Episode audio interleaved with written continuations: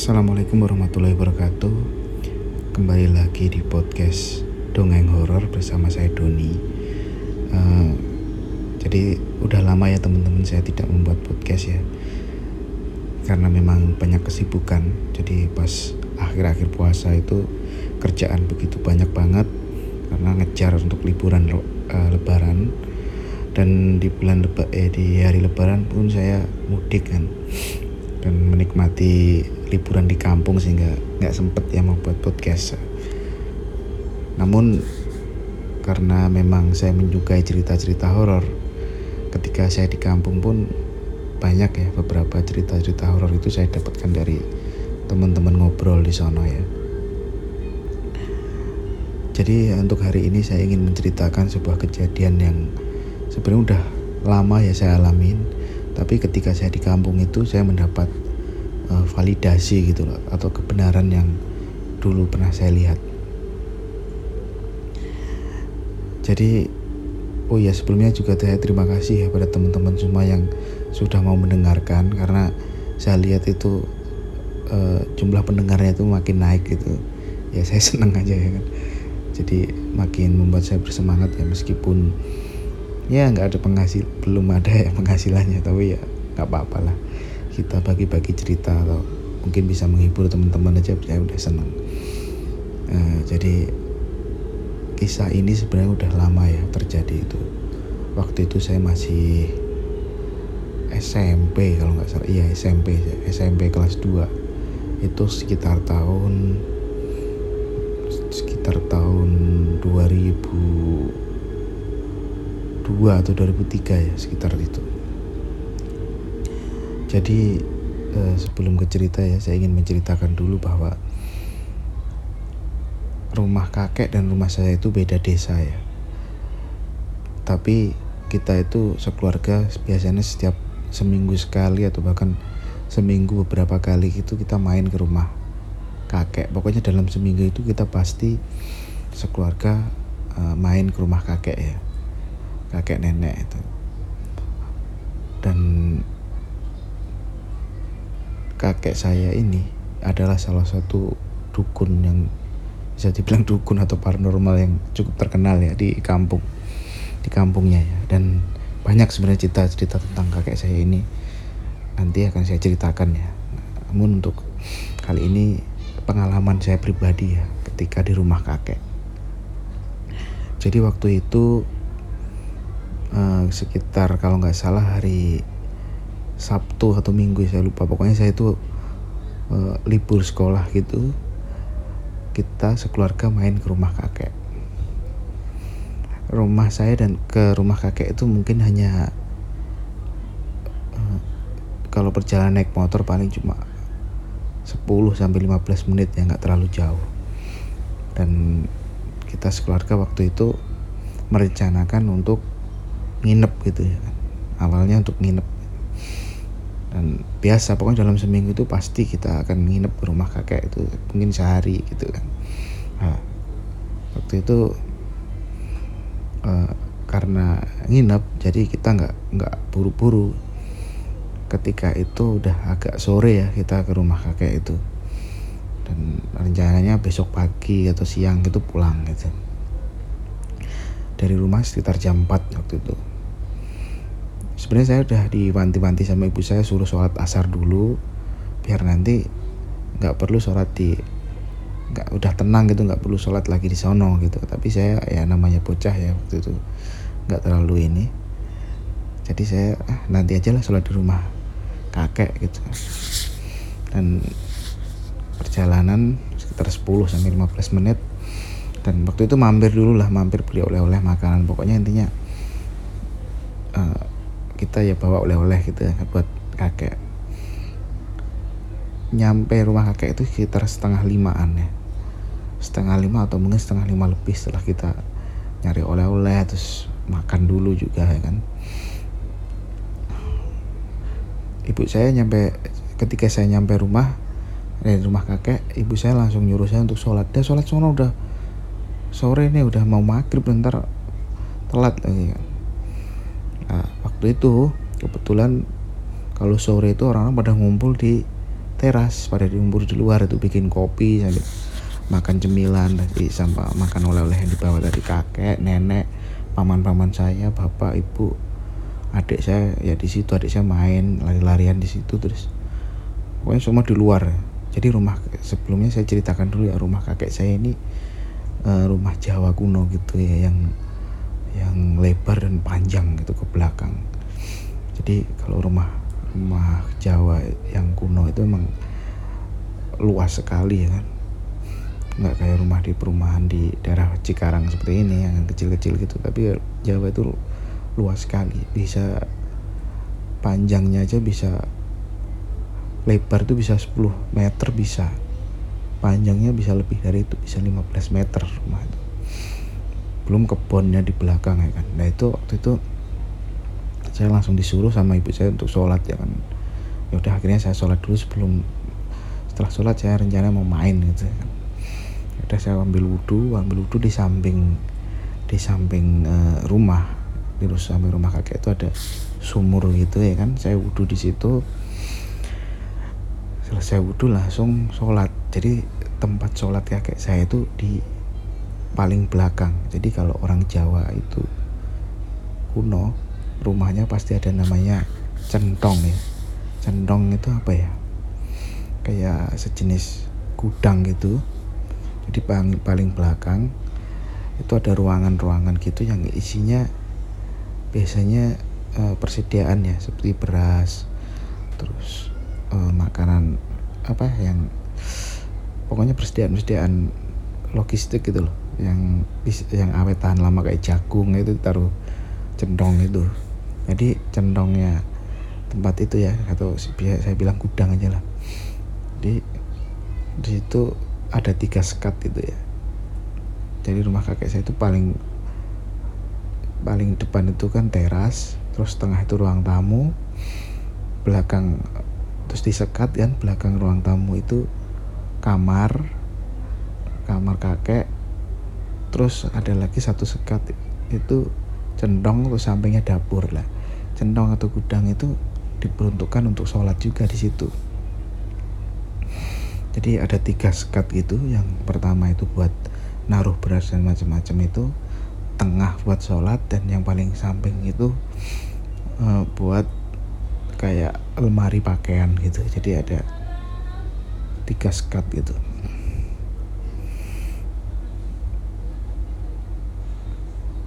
Karena saya mau sholat, saya langsung masuk ke tempat yang tengah itu.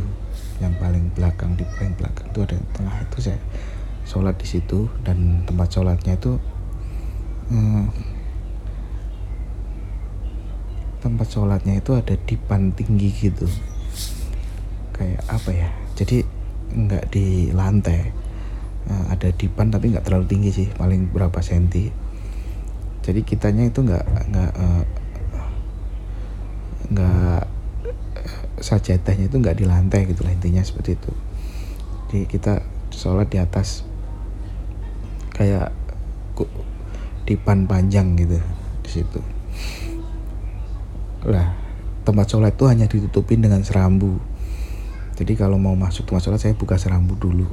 Dan itu gelap banget meskipun masih sore itu gelap gitu suasana sepi. Orang-orang pada di depan semua jadi karena serambunya saya buka saya nggak mau kalau sholat tertutup itu karena gelap ya kan. Serambu saya buka biar ada cahaya sedikit lah dari dari luar ya kan. Terus saya mulai sholat kan. Lah jadi ketika serambu itu saya buka ketika saya noleh ke kiri itu saya bisa melihat tempat tidur kakek.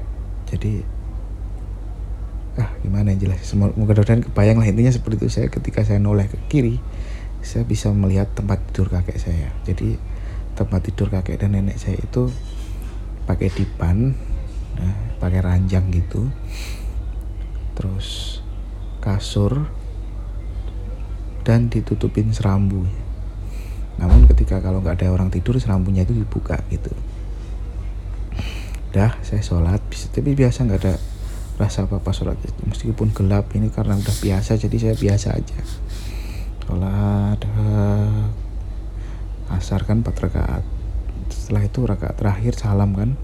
Assalamualaikum warahmatullahi wabarakatuh. Saya noleh ke kanan.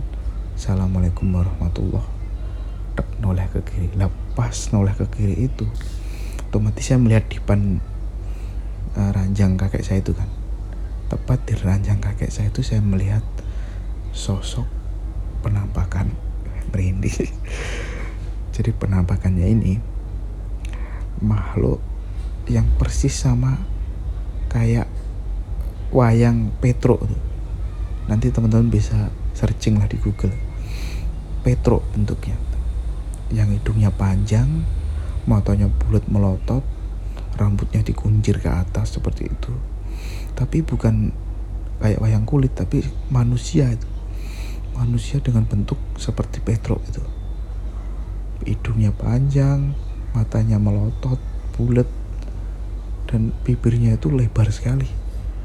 Bibirnya itu seperti penuh nyampe telinga kayaknya. Dia itu senyum ke arah saya melihat saya. Ketika saya assalamualaikum ke arah kiri dia melihat saya sekujur tubuh saya langsung merinding kayak disiram es batu. Merinding-ding semua. Itu apa sih? Saya nyangka apakah saya hanya halusinasi gitu? Tapi saya nggak mikir apa-apa waktu itu.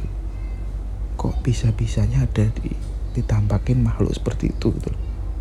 Petro benarnya Petro pakaiannya pun kayak pakaian zaman dulu gitu.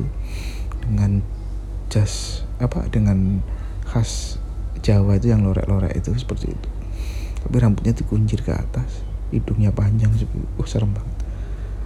Mukanya itu kuning kuning pucat gitu. Senyum saya saya sangat bisa ngamati karena itu pun enggak sekilas banget juga enggak bener-bener saya sampai bisa uh, bisa menamati gitu loh. Nggak cuma sekilas lap hilang nggak. Tapi saya benar-benar assalamualaikum ke kiri langsung berhadapan dengan itu. Dia duduk santai gitu kan menghadap ke saya dengan tatapan yang ngeri banget tatapan. Karena matanya itu bulat kayak mau keluar gitu. Bukan mata yang kita ada kelopak itu kayak bola mata doang gitu. Hidungnya panjang terus mukanya kuning gitu. Bayangin mata bulat melotot bulat banget kayak bola mata doang terus hidung panjang terus bibirnya tuh lebar sekali sampai ujung ke ujung itu sampai ke telinga kayak. Terus senyum gitu. Serem lah saya langsung saya langsung merinding lemas ya kan.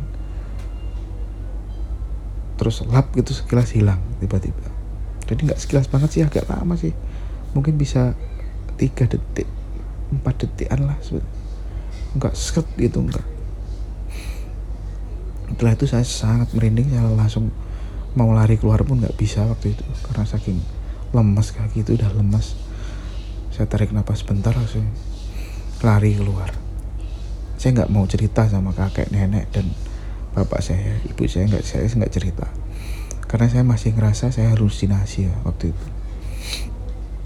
Nah, dan saya nyimpen cerita ini lama sekali ya dari SMP hingga akhirnya di lebaran lebaran kemarin itu lebaran 2023 saya kan ngobrol sama bapak saya kan.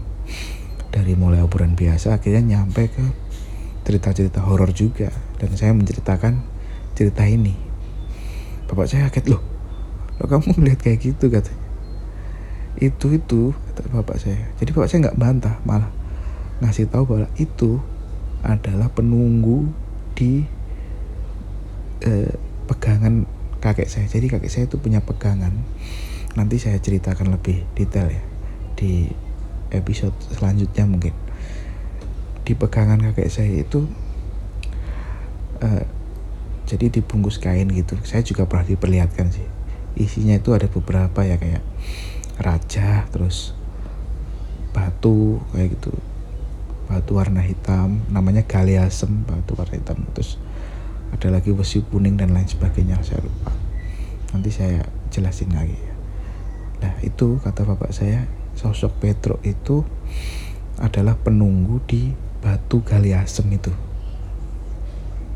Mbah saya pun juga pernah cerita gitu ke bapak bahwa penunggunya sosok makhluk mirip Petro itu. Jadi saya baru nggak waktu itu baru sadar di lebaran kemarin itu bahwa apa yang saya lihat mungkin berapa puluh tahun berapa belas tahun yang lalu itu bener ternyata hampir 20 tahun yang lalu lah itu. Ternyata bener ya. Saya lihat itu memang bener. Dan saya nggak nggak halusinasi ternyata. Dan saya wow. Itu baru kejawab gitu. Dia agak perlu cerita. Karena apa ya? Kadang orang lihat hantu gitu heboh gitu kadang kita malah nggak yakin ini bener. Tapi kalau penampakan yang bener kita tuh mau cerita tuh jadi susah gitu. Bener nggak ya? Ini kayak gitu loh dan itu salah satu uh, makhluk yang saya temuin ya. Dan banyak sebenarnya saya berapa kali di rumah mbah saya ini melihat makhluk-makhluk uh, tapi untuk kali ini ini aja yang bisa saya ceritakan dan just info aja mbah saya ini meninggal di usia 99 tahun ya. Dan mbah saya ini sangat kejawen sekali orangnya.